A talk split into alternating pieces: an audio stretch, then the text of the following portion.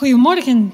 Ik heet iedereen van harte welkom op deze Sabbat, u die meekijkt en meeluistert. Het is fijn om weer welkom te mogen zijn en dit op de eerste Sabbat van het nieuwe jaar in uw huiskamer. Tijdens de uitzending van vorige Sabbat was u getuigen van de vele kerstmisboodschappen van onze jeugd. En dat was heel tof. We gaan dit initiatief vandaag verder zetten onder de noemer Nieuwjaarswensen. We willen van u vragen, jawel, u thuis, om een tekst, een filmpje, een foto met uw nieuwjaarswensen door te sturen. Om het voor u gemakkelijk te maken, kan u de filmpjes rechtstreeks uploaden of rechtstreeks opnemen met de onderstaande link dat nu in uw beeld verschijnt. Hopelijk ziet u het zo meteen.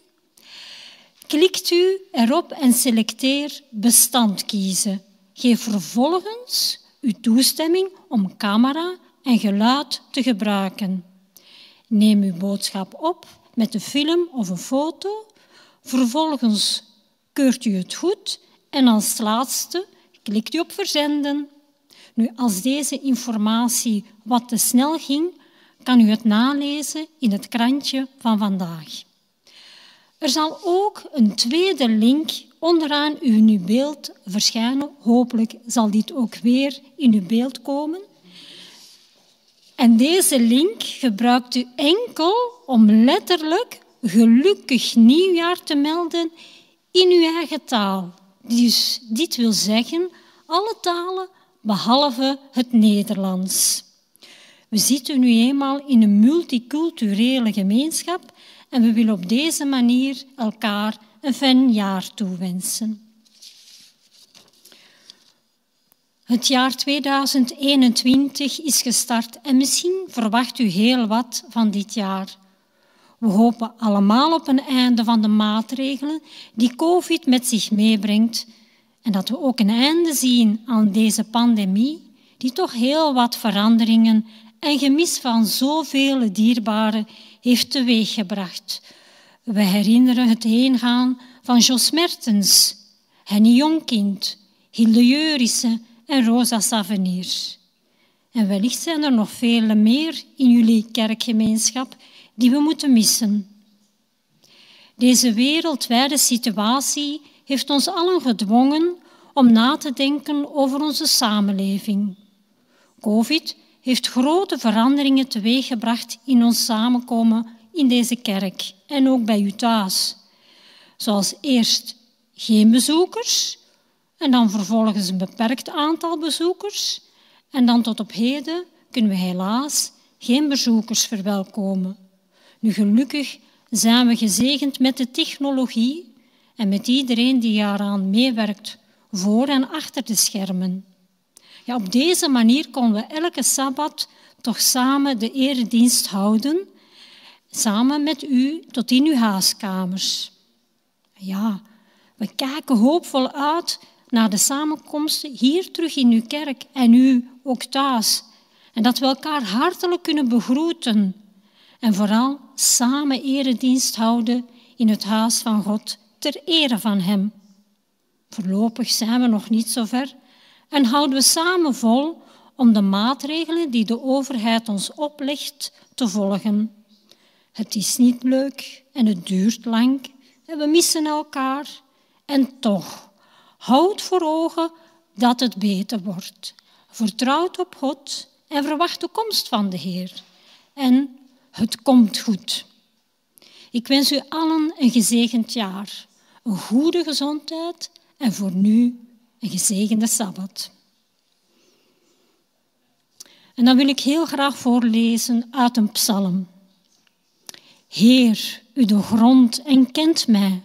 U kent me. U ziet mij of ik nu zit of sta. U verstaat mijn gedachten al van verre. U slaat mij gade of ik nu rust of werk. Wat ik ook doe, het is u vertrouwd. Voor er een woord over mijn lippen komt, weet u al, Heer, wat ik denk. U bent om mij heen. U bent voor me en achter me. En uw hand ligt op mijn schouder. Dat u mij kent, kan ik niet bevatten. Het gaat mijn verstand te boven. Zullen we samen bidden tot onze Hemelse Vader.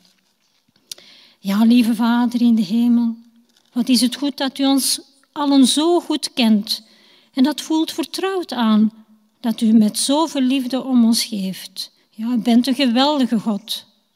U en uw Zoon en de Heilige Geest hebben zoveel namen gekregen, zoals Abba Vader, de Heilige, wonderbare Raadsman.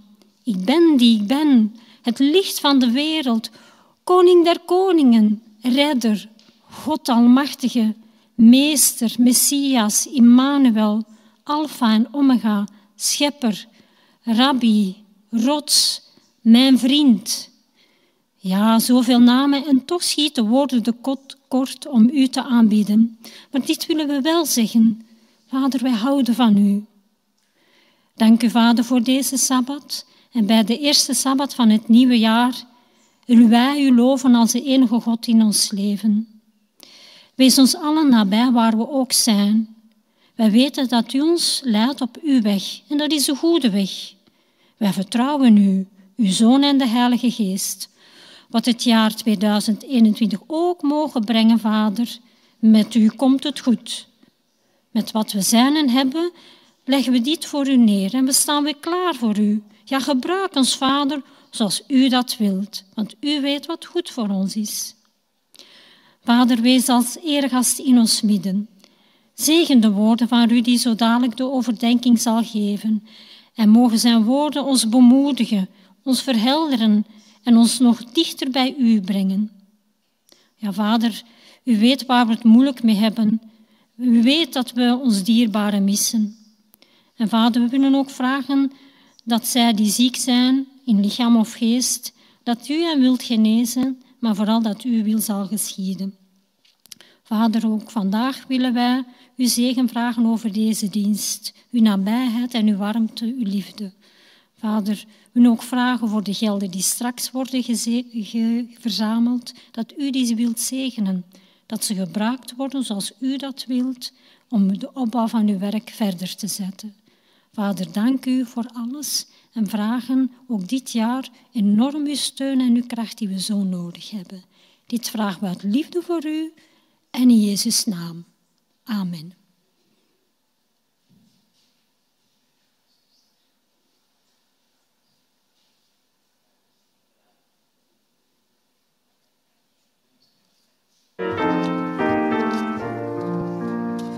en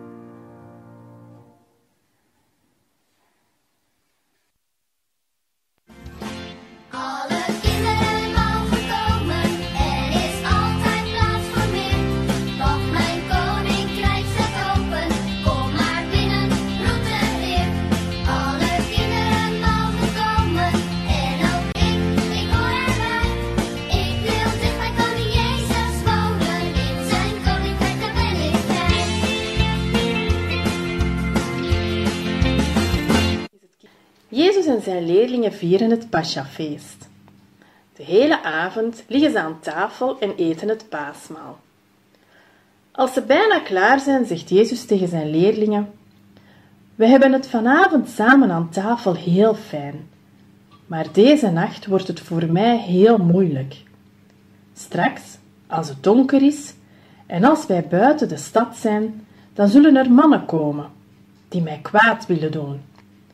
Ze zullen mij naar de gevangenis brengen. De leerlingen kijken geschrokken. Nee, toch? Brengen die mannen hun meester naar de gevangenis? Dat kan toch niet? Het zal vannacht echt gebeuren, zegt Jezus tegen hen. Maar laten we nu samen een psalm zingen om God te bedanken.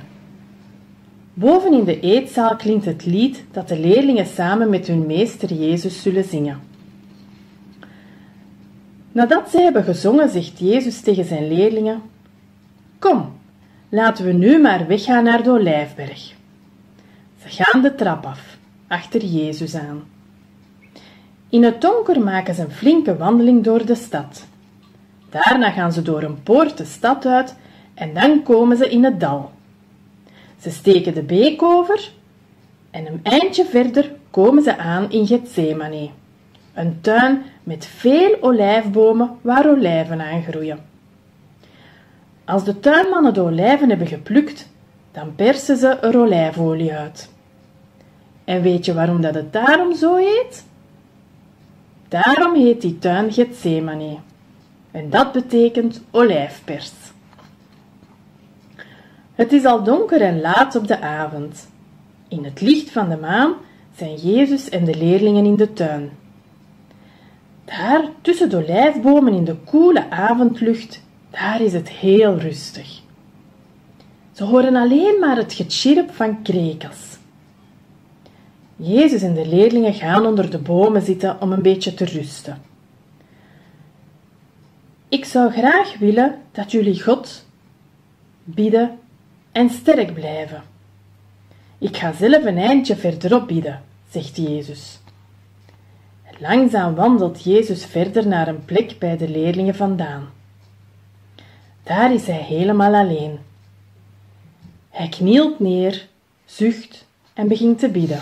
Jezus bidt en zegt tegen God: Vader, ik ben heel erg bang. Ik weet dat er straks iets erg met mij gaat gebeuren. Ik hoop eigenlijk dat het niet gebeurt. Maar lieve vader, als het echt moet, dan zal ik doen wat dat u wilt. En Jezus zit daar heel stil en wacht. Oh, wat is hij bang. Zijn hart begint sneller te kloppen en hij begint te zweten. Dikke druppels zweet komen op zijn voorhoofd. En die druppels die vallen van zijn gezicht op de grond. Het lijken wel net druppels bloed. Jezus stopt met bidden en hij staat op. Hij voelt zich al een beetje minder bang. Nu gaat hij naar de plek waar de leerlingen zijn. Vraag God om kracht, had Jezus tegen hen gezegd. Maar wat is dit? Zitten de leerlingen te bidden? Nee, helemaal niet. Ze liggen gewoon allemaal te slapen. Het lijkt wel of ze van verdriet in slaap gevallen zijn. Niet één leerling is nog wakker. Jezus maakt ze wakker. Hij kijkt hen aan en vraagt: Waarom lagen jullie allemaal te slapen? Ik heb jullie toch gevraagd om te bidden, om God te vragen jullie kracht te geven voor als het moeilijk zal worden.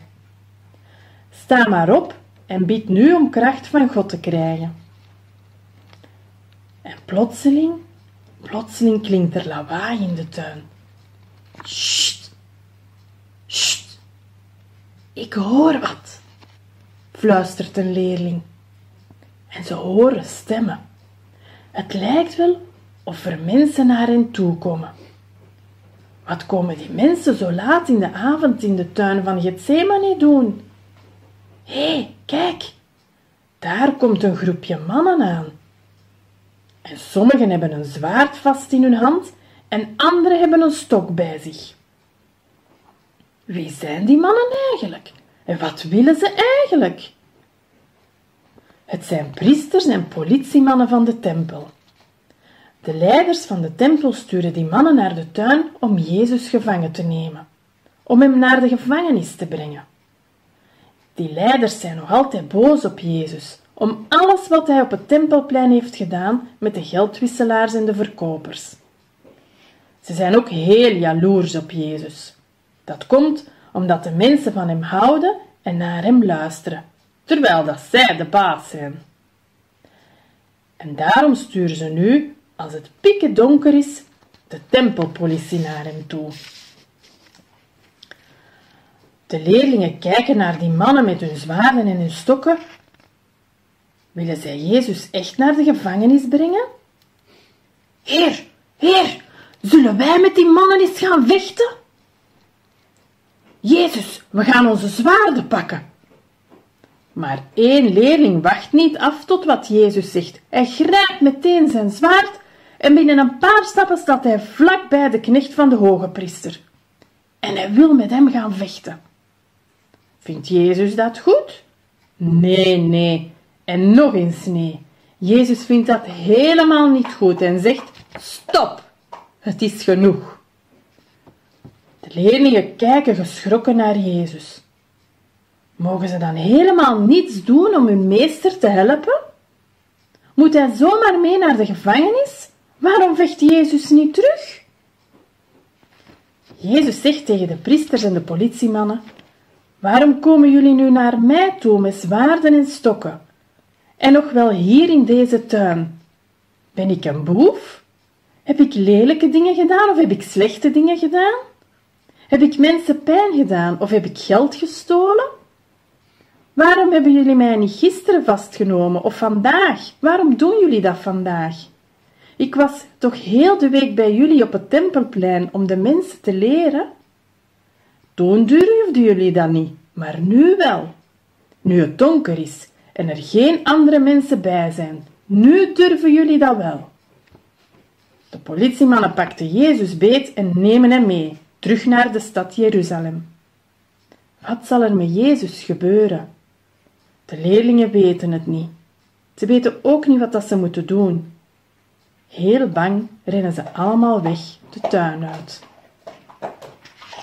Dat was het kinderverhaal van vandaag. Dank u wel, tot volgende keer.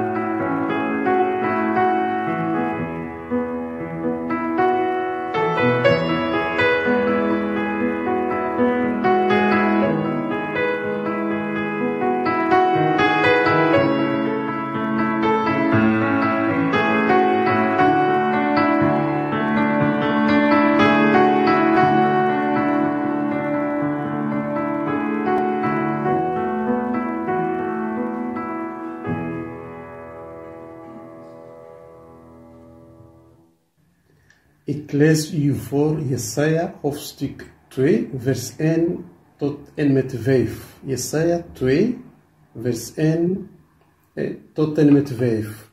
Dit is een andere boodschap van de Heer aan Jesaja over Juda en Jeruzalem.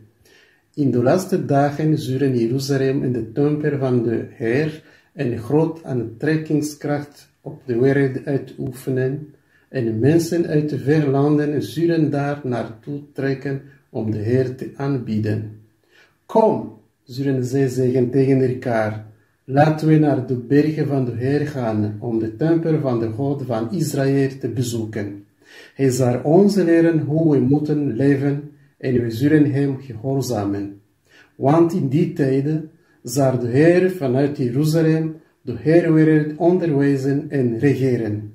Hij zal recht spreken tussen de volken en machtig ver weg geleden naties terechtwijzen. Oorlogstuigen zal worden omgebouwd tot landbouwwerktuigen. Geen enkel volk zal nog een ander volk aanvaren, want al oorlogen zullen verleden tijd zijn, en niemand zal meer worden opgeleid tot soldaten.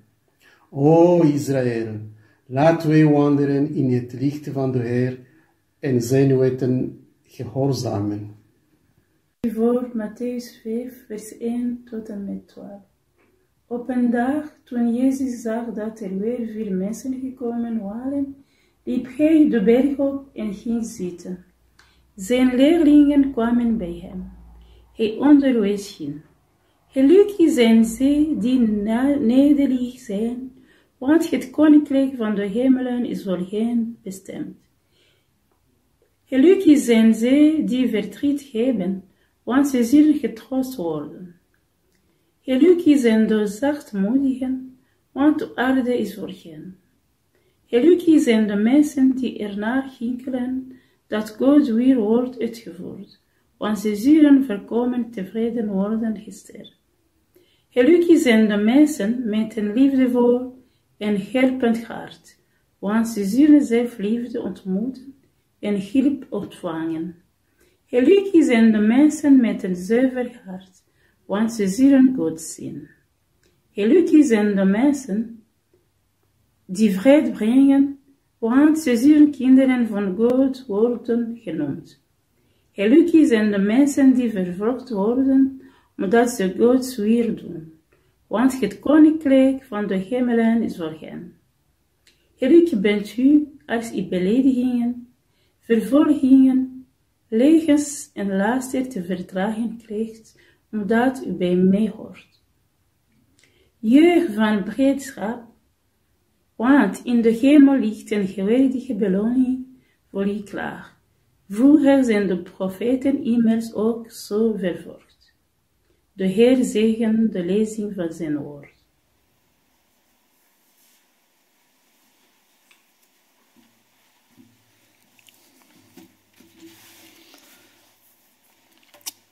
Laten de woorden van mijn mond u behagen, de overpeinzingen van mijn hart u bekoren, Heer, mijn rots, mijn verlosser.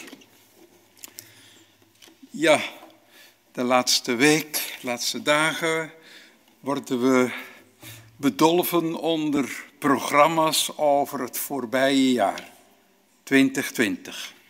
En ook al een beetje vooruitkijken naar 2021. Maar ik stel u voor vanochtend om wat verder weg, verder terug te gaan dan alleen maar vorig jaar. Toen ik eh, op de middelbare school zat, dan leerde ik een aantal dingen die erg belangrijk zijn voor relaties tussen mensen. Ik heb er geleerd het belang van gelijkheid, van samenwerking, van solidariteit en gemeenschapszin. Geen onderscheid tussen mensen. Geen onderscheid tussen mannen en vrouwen, meisjes en jongens. We kregen co-educatie. Jongens en meisjes werden op school volledig gelijk behandeld. En we leerden ook het recht om een menswaardig bestaan te leiden en gelijkheid te ervaren en daarom eerlijk en rechtvaardig te zijn.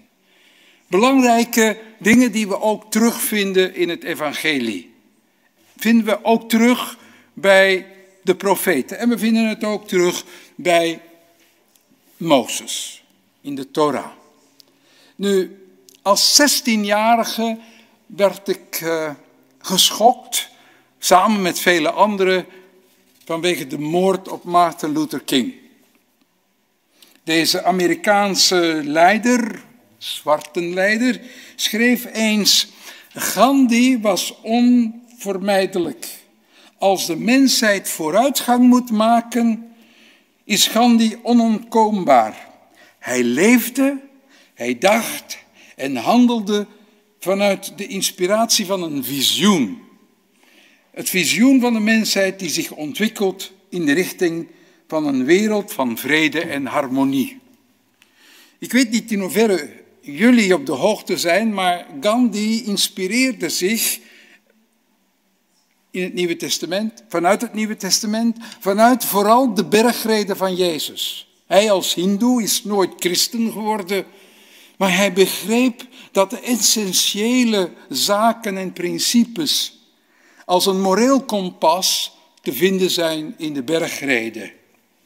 Martin Luther King, die op 4 april 1968 sterft, ja, hij is dan 39 jaar, maar was al in zijn twintiger jaren bezig geweest met het lezen van de geschriften van Gandhi. Hij las ze, hij herlas ze, ja, en hij zocht echt in zijn visie, in zijn visioen, in zijn droom, niet om die bergreden te vergeestelijken. Nee, het ging hem om heel concreet, heel concreet, realistisch in de wereld te staan en iets met dat programma van Jezus te doen. Iedereen kent en weet zowat zijn beroemd geworden speech I have a dream.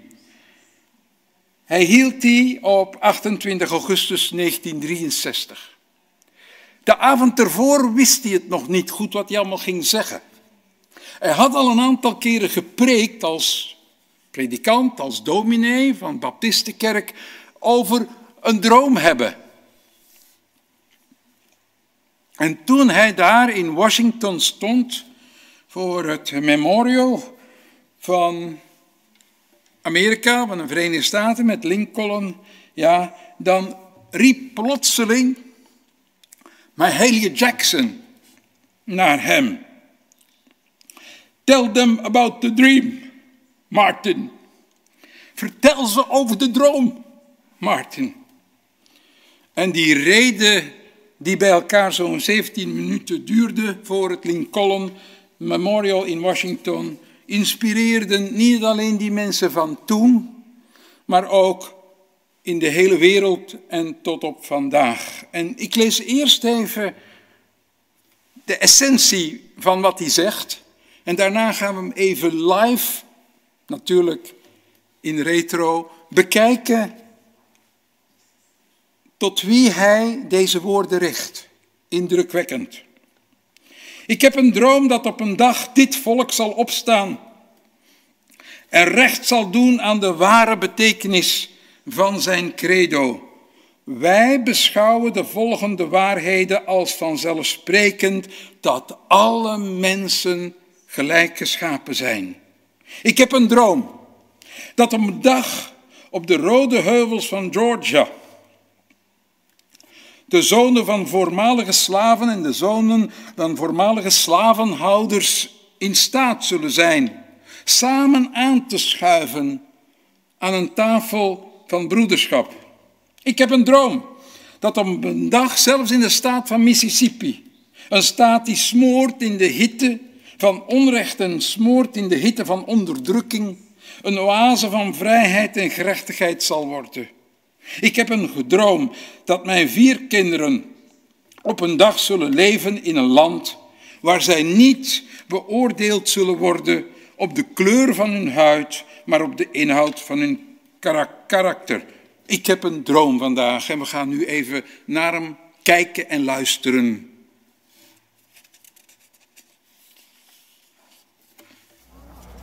I say to you today, my friend,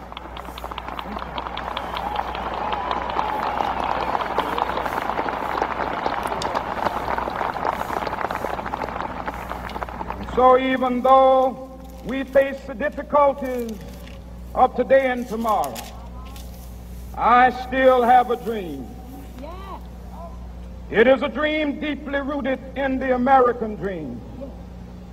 I have a dream that one day this nation will rise up and live out the true meaning of its creed. We hold these truths to be self evident that all men are created equal.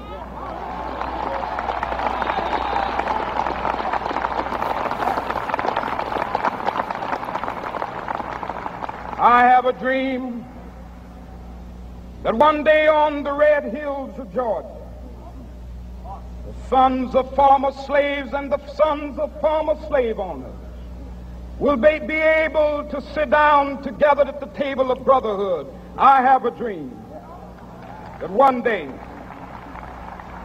even the state of Mississippi, a state sweltering with the heat of injustice, sweltering with the heat of oppression, will be transformed into an oasis of freedom and justice. I have a dream that my four little children will one day live in a nation where they will not be judged by the color of their skin, but by the content of their character. I have a dream today.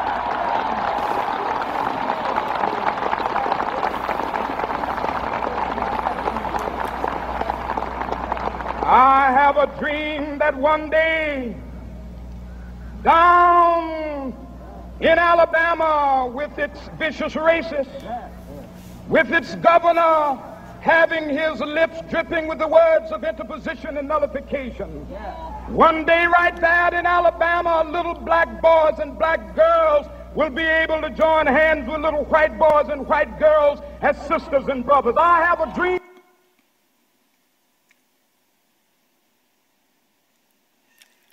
I have a dream today. Dat is hoe hij deze zin afmaakt.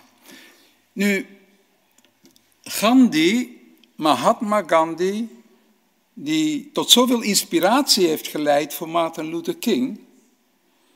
En Martin Luther King kunnen we zien in films en foto's en documentaires. Maar het is goed mogelijk dat zij beide beïnvloed zijn door de profeet Jezaja. En zeker door Jezus van Nazareth. De profeet Jezaja. Jammer genoeg kunnen we hem niet op film zien. Kunnen we geen foto's tonen. Maar als je zijn boekrol van zeven meter lang begint te lezen, dan is het eerste vers dit zijn de visioenen die Jesaja, de zoon van Amos, over Juda en Jeruzalem gezien heeft. Toen Uzia, Jotam, Agas en Hiskia in Juda regeerden. We weten niet hoe oud hij was. Maar als je de regeringstijden op een rijtje zet, dan begint hij in het jaar dat koning Uzia, de eerstgenoemde, sterft.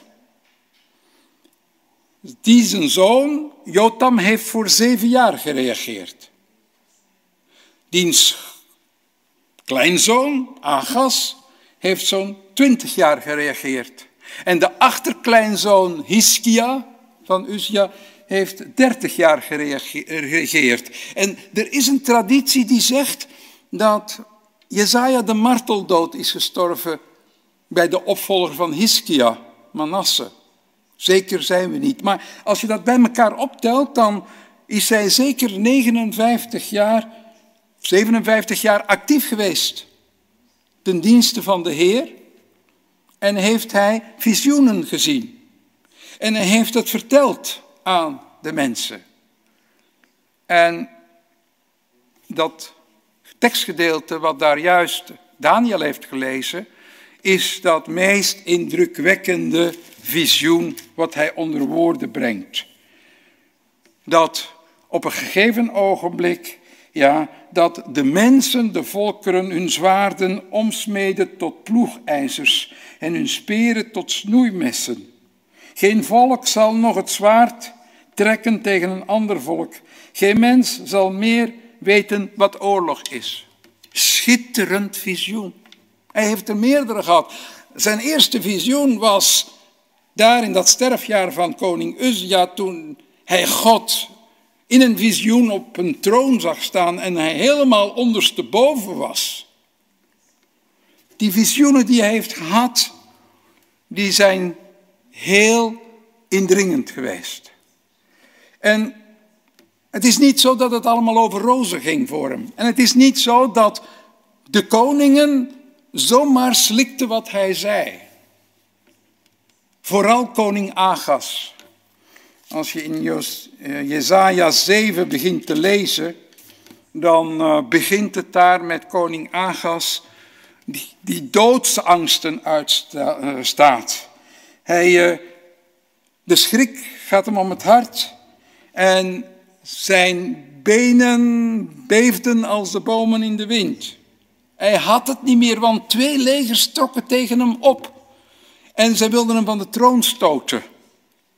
En terwijl dat bezig is en hij de vestingswerken van de stad Jeruzalem gaat bekijken, gaat controleren bij de waterleiding om te zien of ze een langdurig beleg zullen kunnen doorstaan in Jeruzalem, komt de profeet.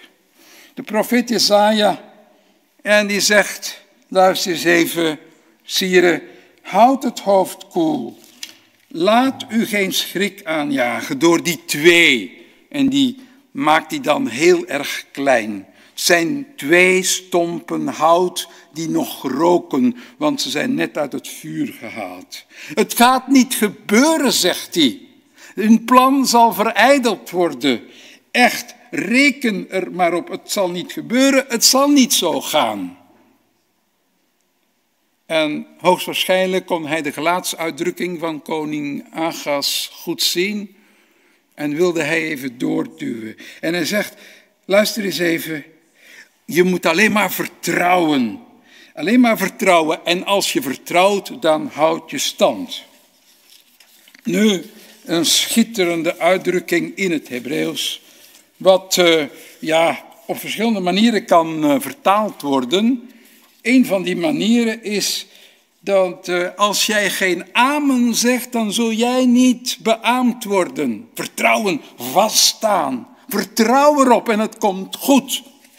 En het kan zijn dat Jezaja Agas in de tijd terugneemt tot een van zijn illustere voorvaderen, koning Josafat. En koning Josafat werd een keer aangevallen door drie legers. En ook hij was bang. Maar God stuurt een leviet met een profetisch woord. Don't worry, het komt allemaal goed. Ga nou maar gewoon naar het slagveld. Ga de strijd aan. Trek uit de stad. Maak je kwetsbaar. En Jozefat doet dat. En Jozefat die zegt dan tegen zijn leger, ja, vertrouw op de Heer uw God en u zult stand houden. Vertrouw op zijn profeten en u zult volslagen eh, slagen in uw onderneming. Agas wil er niet van weten. Agas, nee, geen sprake van. Dus uh, Jezaja gaat nog een keer naar Agas. Want Agas heeft intussen beroep gedaan op de koning van Assyrië. Het grote wereldrijk. Om hem te hulp te komen. Om die twee andere koningen, om die te verslaan. En uh, de Heer liet aan je Agas zeggen door Jezaja. Maar vraag dan om een teken van de Heer uw God het zij uit de diepte van het dodenrijk, het zij uit de hoge hemel. Maar Agas kende zijn Bijbel. Hij zegt, nee, doe dat niet. Ik ga de Heere God niet verzoeken, want dat haalt hij uit de Torah van Mozes, waar het volk van Israël God op de proef heeft gesteld. Ik doe het niet. Nee, ik zal geen teken vragen. En dan wordt uh, Jezaja flink kwaad. Is het nou niet genoeg dat je hè, mijn volk vermoeit met al jouw daden, vreedheden? Agas heeft bijvoorbeeld zijn eigen zonen gebrandofferd en een enorme terreur veroorzaakt in zijn land. Is het nou niet genoeg dat je mijn volk kapot aan het maken bent, dat je ook nog eens mijn God vermoeit? En dan geeft hij die beroemde uh, uitspraak van de Heer zal jou een teken geven, teken van Immanuel. Ja, als we dat echt in zijn kader plaatsen, dan heeft Jezaja het niet over datgene wat 700 jaar later gaat gebeuren. Hij heeft het op dat moment. Hij zegt, de jonge vrouw hier, deze vrouw hier zal zwanger worden en ze zal een zoon baren. En dat zal Immanuel genoemd worden. Matthäus heeft dat heel goed begrepen. Later, als hij de situatie onder koning Herodes ziet, ja, de ellende, het terreur en dit en dat, wat daar uh, heerste, heeft hij de koppeling gemaakt. Toen, bij Jesaja, heeft hij gezegd, Immanuel, God met ons. Wel, nu hebben wij dat ook, een God met ons. En wat blijkt dan? Dat dat jongetje dat geboren wordt, dat wordt koning Hiskia, de zoon van Agas. En je hoeft alleen maar die verhalen te lezen en dan, dan wordt het glashelder voor je ogen. Agas zit in de angst. Hiskia zit in de angst, want de Assyriërs staan rond zijn stad. Agas probeert er van alles aan te doen, terwijl hij angstig is, maar hij vertrouwt niet op het woord van de profeet. Hij vertrouwt niet op God. Hiskia, zijn zoon, is ook angstig. Ja, hij weet niet waar hij het heeft, maar hij vertrouwt op het woord van God, op het woord van de profeet.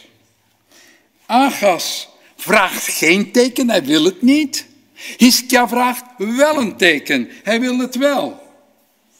Bij Agas is er geen bevrijding voor Jeruzalem, want de Assyriërs nemen alles over. En bij Hiskia is dat wel het geval. Jesaja had visioenen. En terwijl hij al die ellende meemaakt, gelooft hij in geweldloosheid. Hiskia hoeft niet te vechten. Hij hoeft alleen maar de tempel te gaan en tot God te bidden. En als je dat leest, is een indrukwekkend gebed. Waar hij alles in de handen van de Heere God zegt. En het probleem wordt opgelost. Geweldloos, zonder wapengekletter. Dus datgene wat Jezaja gezien heeft, van er komt een dag dat de volkeren niet meer met elkaar zullen vechten. Iskia, de koning van Jeruzalem, heeft niet hoeven te vechten. Nu, de tweede tekst die we daar juist hebben gelezen, dat Denise heeft gedaan, en ze hebben dat beide, uit het boek gedaan, en uh, is die tekst van de zaligsprekingen. De tekst die verwijst naar het begin van uh, de bergreden. Jezus gaat de berg op. Samen met zijn leerlingen en met het volk op de hellingen van de berg.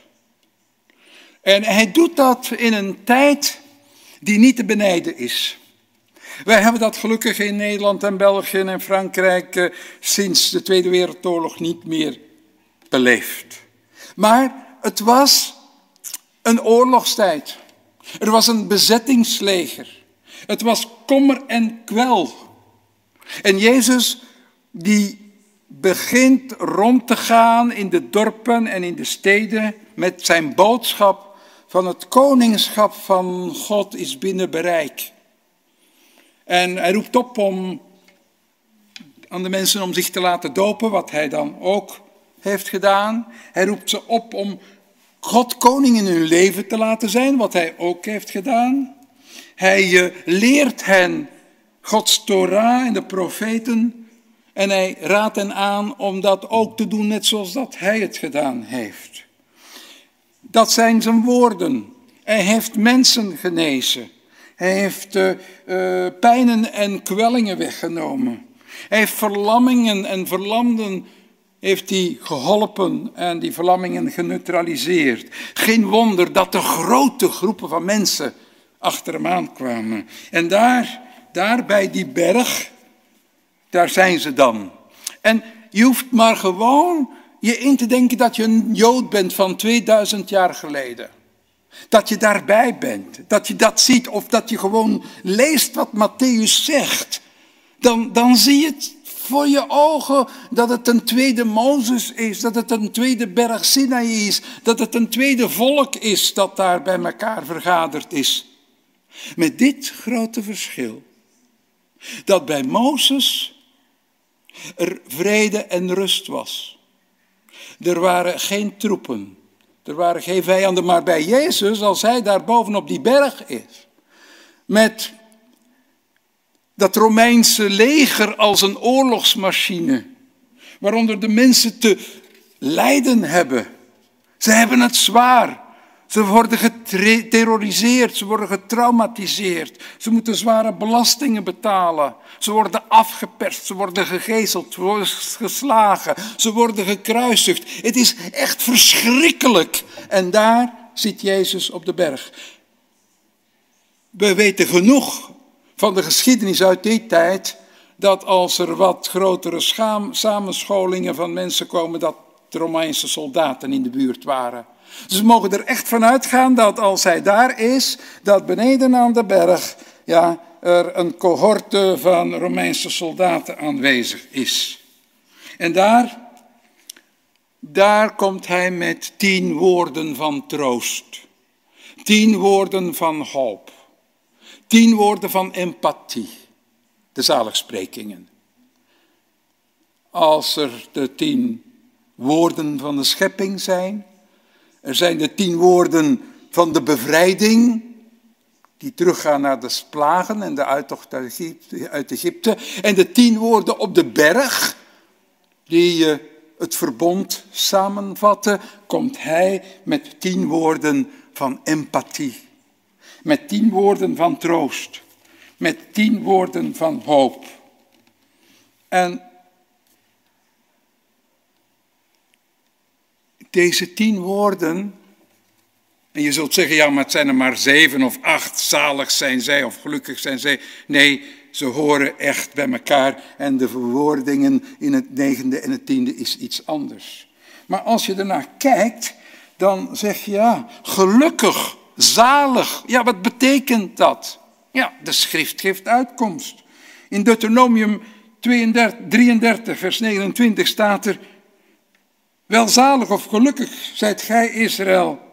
Wie is als u een volk verlost door de Heere God? Of bij Jezaja zelf. Jezaja, daarom verlangt de Heer naar u om genadig te zijn. Daarom zal hij zich verheffen om zich over u te ontfermen, want de Heer is een God van recht. Welzalig of gelukkig allen die op hem wachten. Dat is wat Jezus hen aanbiedt.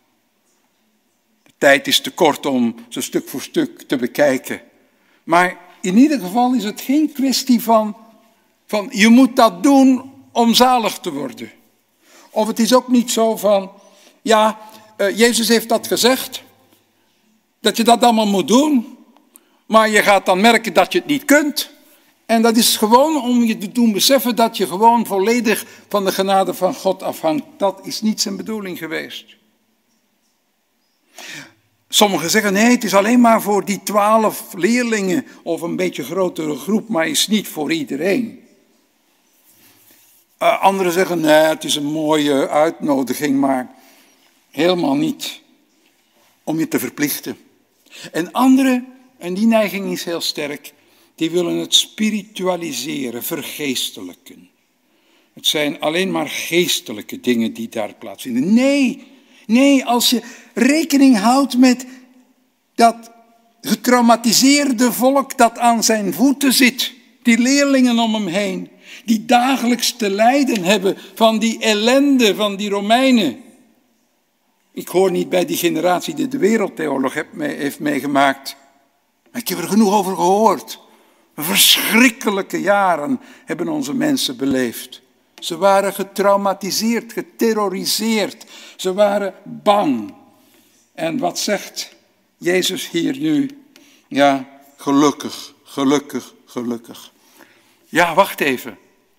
Moeten die mensen nu gelukkig zijn dat ze zo ellendig zijn? Hij geeft dit aan niet omdat het nu van hen, het nu waar zij in zitten, reden is om gelukkig te zijn, maar Jezus is een visionair.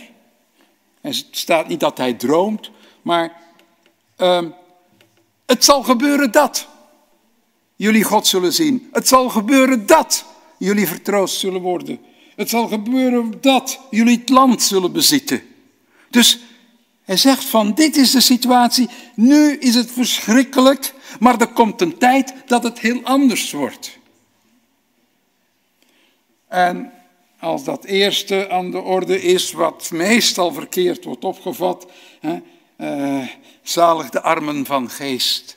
Nee, nee, er zijn teksten die heel duidelijk aangeven dat het is zalig de armen van de geest. Dat zijn de armen die leven van een droog stuk brood en die hun ogen naar boven gaan, naar God en naar de geest van God om ze te steunen, om ze te begrijpen, om ze uh, een hart onder de riem te stoppen prachtige dingen die Jezus hier naar voren brengt. Maar de eerste drie dingen hebben te maken met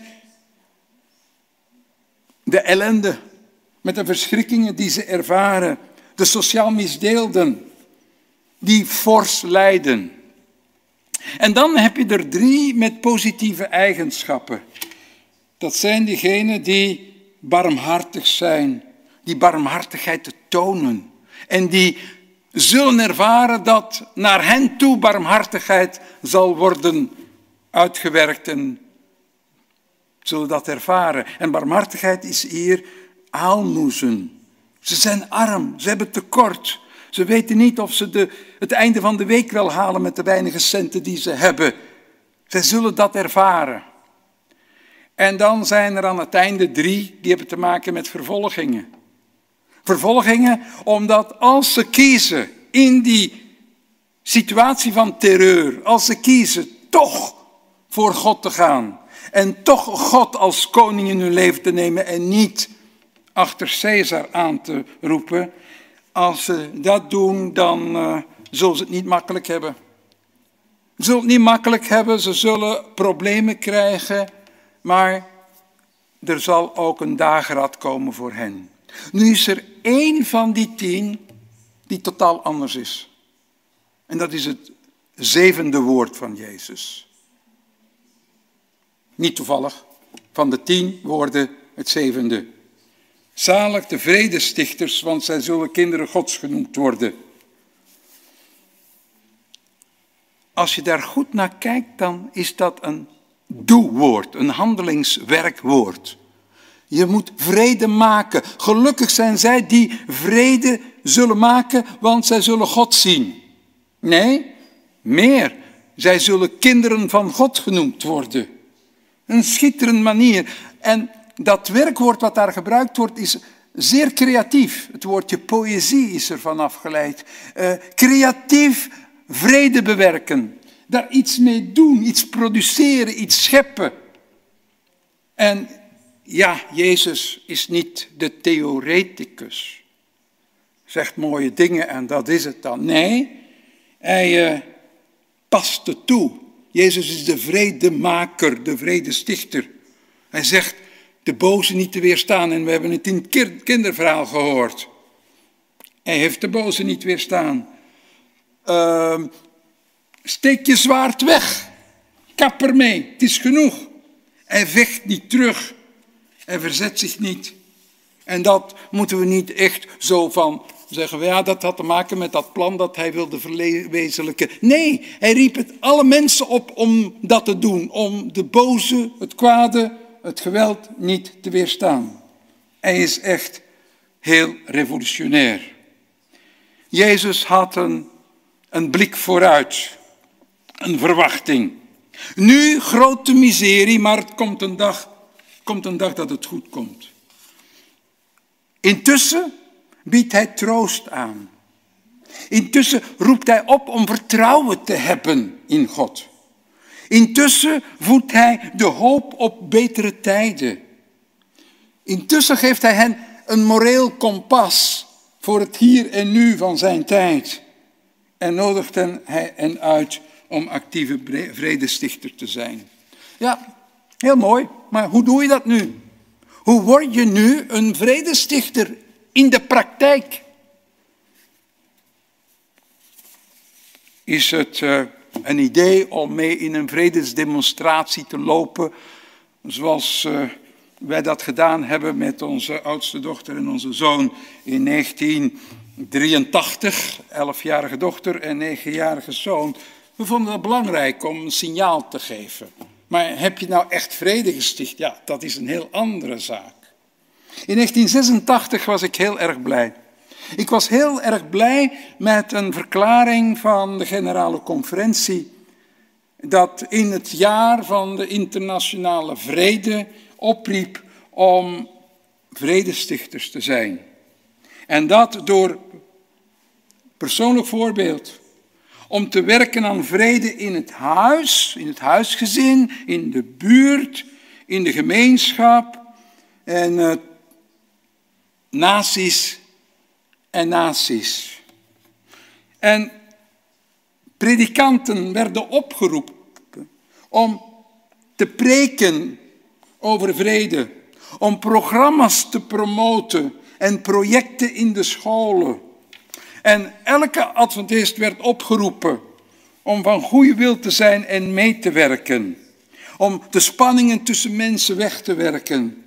Om uh, fair play en sociale en culturele economische gelijkheid tot stand te brengen. En dat onder het mom en de tekst wordt aangehaald van Jesaja 2. Ja, dat visioen van Jesaja.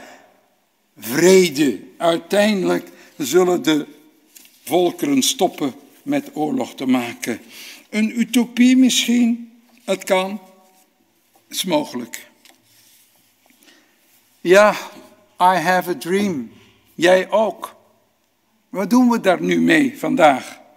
Lieve mensen, loont het om in deze tijd, net nu we 2020 achter de rug hebben, achter ons hebben gelaten, om te gaan dromen? Omdat het vaccin klaar ligt? Uh, of we bijna bevrijd zijn van de chaos die Trump heeft veroorzaakt? Nou, eigenlijk wel willen weten wat uh, Jezaja en Jezus en Martin Luther King over deze president zouden hebben gedacht. Uh, zouden we kunnen gaan dromen omdat we eindelijk een deal hebben met het Verenigd Koninkrijk? Vult u maar in. Kunnen we nu op onze beide oren, of op twee oren zoals men dat zegt, uh, slapen, dus er gerust in zijn, zo van, komt allemaal wel goed, eerder optimistisch zijn dan pessimistisch zijn. Als we Johan Norberg mogen geloven, een Zweeds auteur en uh, specialist in de geschiedenis van de ideeën, uh, die echt uh, zich toewijdt aan economische, globale e economie, dan in zijn boek komt hij met een aantal feiten.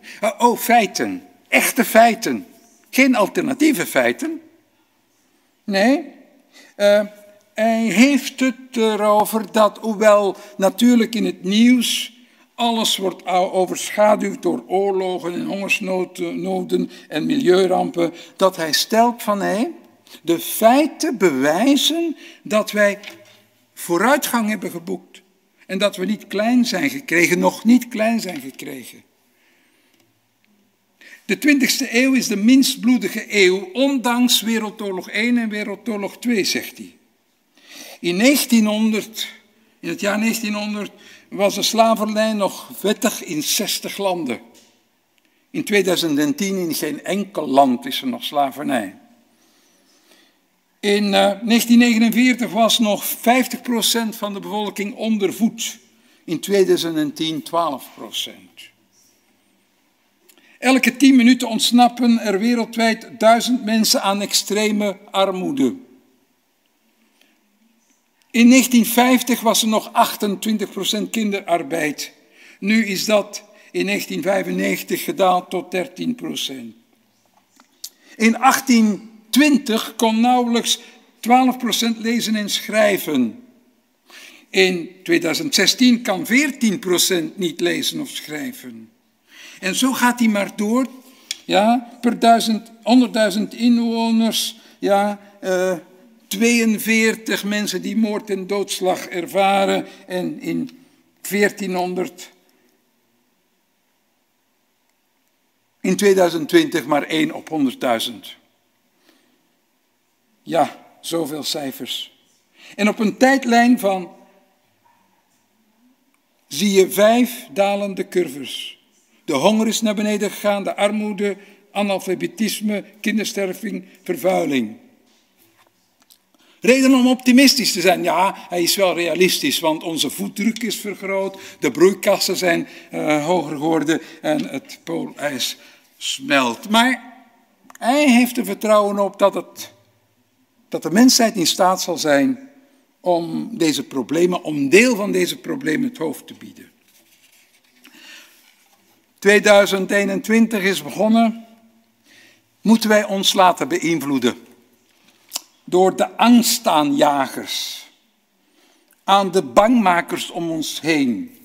Diegenen die ons bestoken met onwaarheden, met alternatieve feiten, met complottheorieën van allerlei soort. Nou, wat is uw antwoord daarop? Moeten we daar ruimte aan geven? Moeten we zeggen, ja, misschien hebben ze toch wel gelijk. Ja, misschien is het een heel groot complot, gevoed door het Vaticaan, CIA en noem maar op. Onze predikant Linder Brouwer wees mij onlangs op dat Jezaja daaromtrent, daaromtrent duidelijke taal sprak. En hij uh, verwijst naar Jezaja hoofdstuk 8 en daar staat Vers 11. Toen greep de Heer mij bij de hand en hield me voor dat ik me anders moest gedragen dan dit volk. Het volk waar hij bij hoorde. Hij zei, noem niet alles samenzwering of complot. Wat zij een samenzwering of complot noemen. Wees niet bang wat hun angst aanjaagt. Heb er geen ontzag voor. Wauw, wat actueel van Jezaja die het woord van God zo doorgeeft. Complotten, doe maar, geloof het niet. Daar moet je niet bang voor zijn. Als je enige vrees wil hebben, heb dan vrees voor God. Alleen de Heer van de hemelse machten is heilig. Voor hem zijn angst eventueel en ontzag op zijn plaats. En dan gaat Jezaja een beetje verder en zegt, ik stel mijn vertrouwen in de Heer. Hoewel hij zich voor het volk van Jacob verborgen houdt, ik heb mijn hoop op hem gevestigd. Ik ben met de kinderen die de Heer mij heeft gegeven een teken voor Israël. Een symbool, een signaal, een voorbeeld, als ik dat zo mag begrijpen. Ja, en dan denk ik, Jezaja was heel jong toen die begon.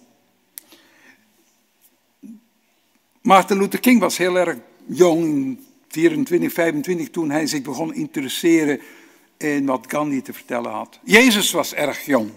Zij waren, als ze tot actie kwamen, dertigers, maar de dertigers van toen, dat zijn de twintigers van nu. En ik weet niet of u die verschillende leeftijdsgroepen kent en onderscheiden kunt. Ja, de 75-jarigen tot 92, die behoren bij de stille generatie. De 56 tot 74 zijn de babyboomers. Dan de 40 tot 55-jarigen, dat is de X-generatie. Generation X. De 24 tot en met 39-jarigen zijn de millennials. En dan de 0 tot 23-jarigen, dat is generatie Z. In een artikel wat ik heb gelezen, een paar dagen geleden,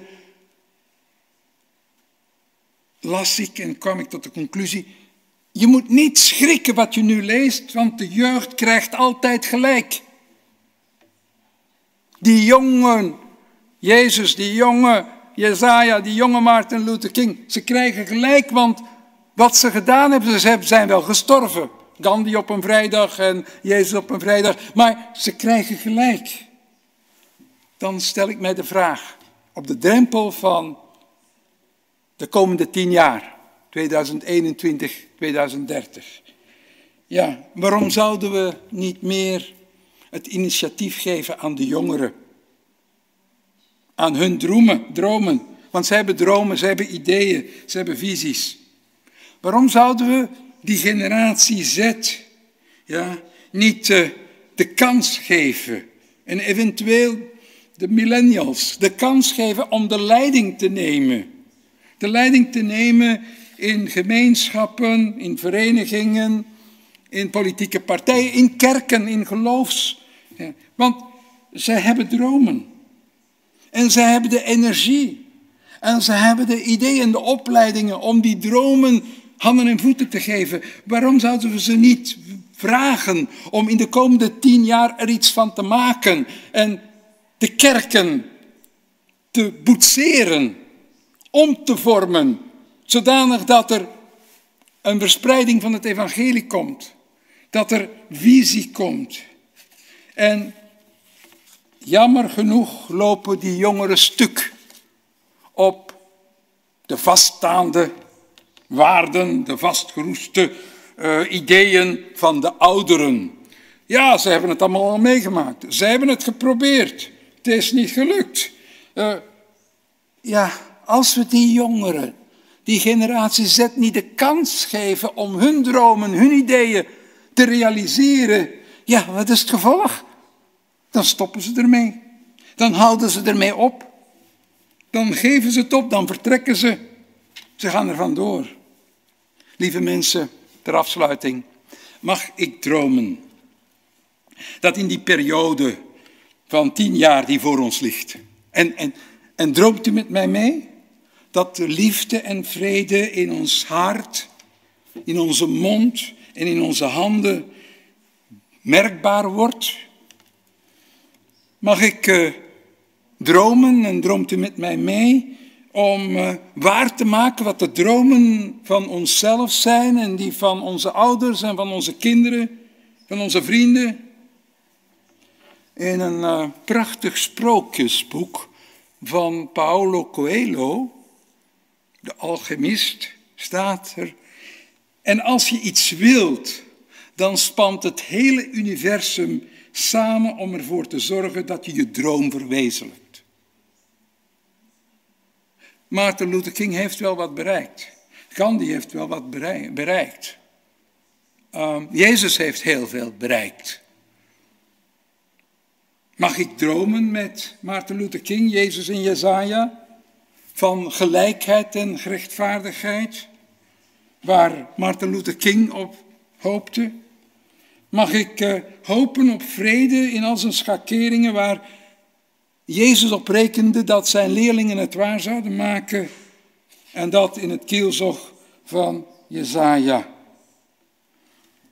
Mijn vraag is nu, zal de kleindochter van Martin Luther King, waar we nu even een videoclip van gaan zien, zal de kleindochter van Martin Luther King na tien jaar teleurgesteld zijn omdat men haar droom niet mee heeft helpen realiseren?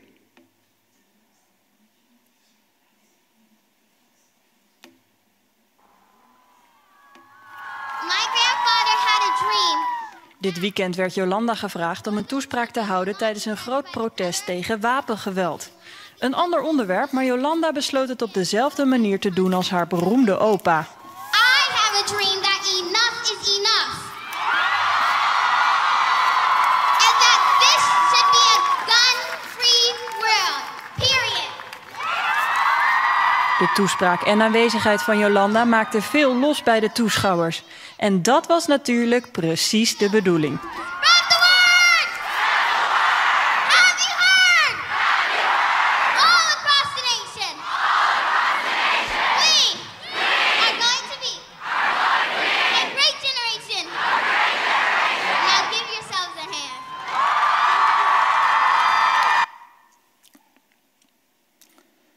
Waarom zouden we niet dromen en tegelijkertijd onze mouwen opstropen en te doen wat we kunnen om de vrede te bevorderen of te bewaren?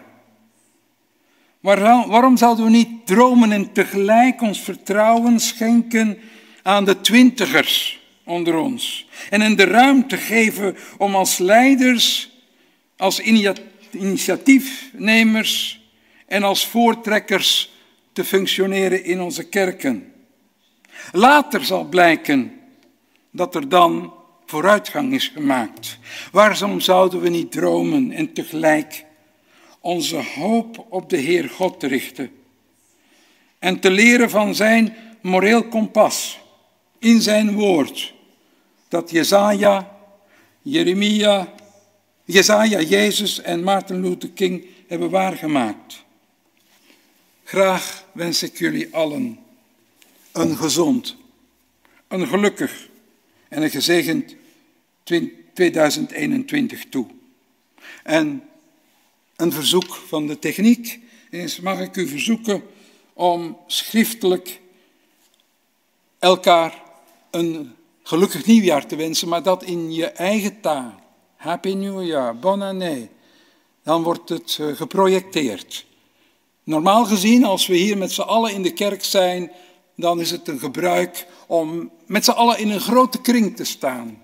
En dan wordt er gevraagd, wil je even in het Frans zeggen, gelukkig nieuwjaar, in het Engels, in het Swahili, in het eh, Spaans, in het Portugees.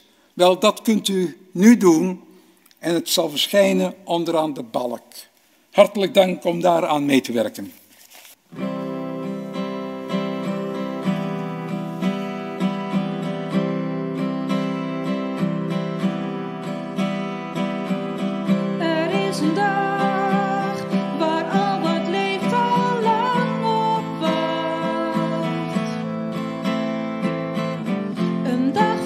it's hard.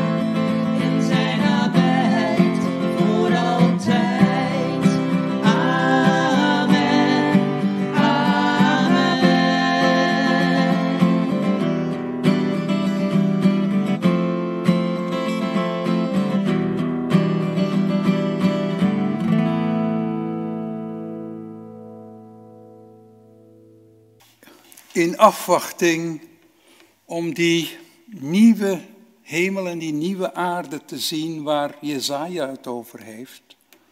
In afwachting van het zien van die nieuwe hemel en die nieuwe aarde waar Johannes op Patmos het over heeft,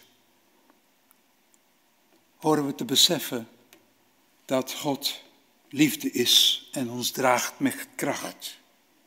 En dat Hij ons wil zegenen met genade en ons wil bewaren voor elkaar. En het maken tot een huis van vrede voor ons allen. De Heer zal je zegenen en je beschermen. De, de Heer zal zijn stralend gezicht naar je toewenden en je genadig zijn. De Heer zal zijn blik op jou richten en je vrede geven. Amen.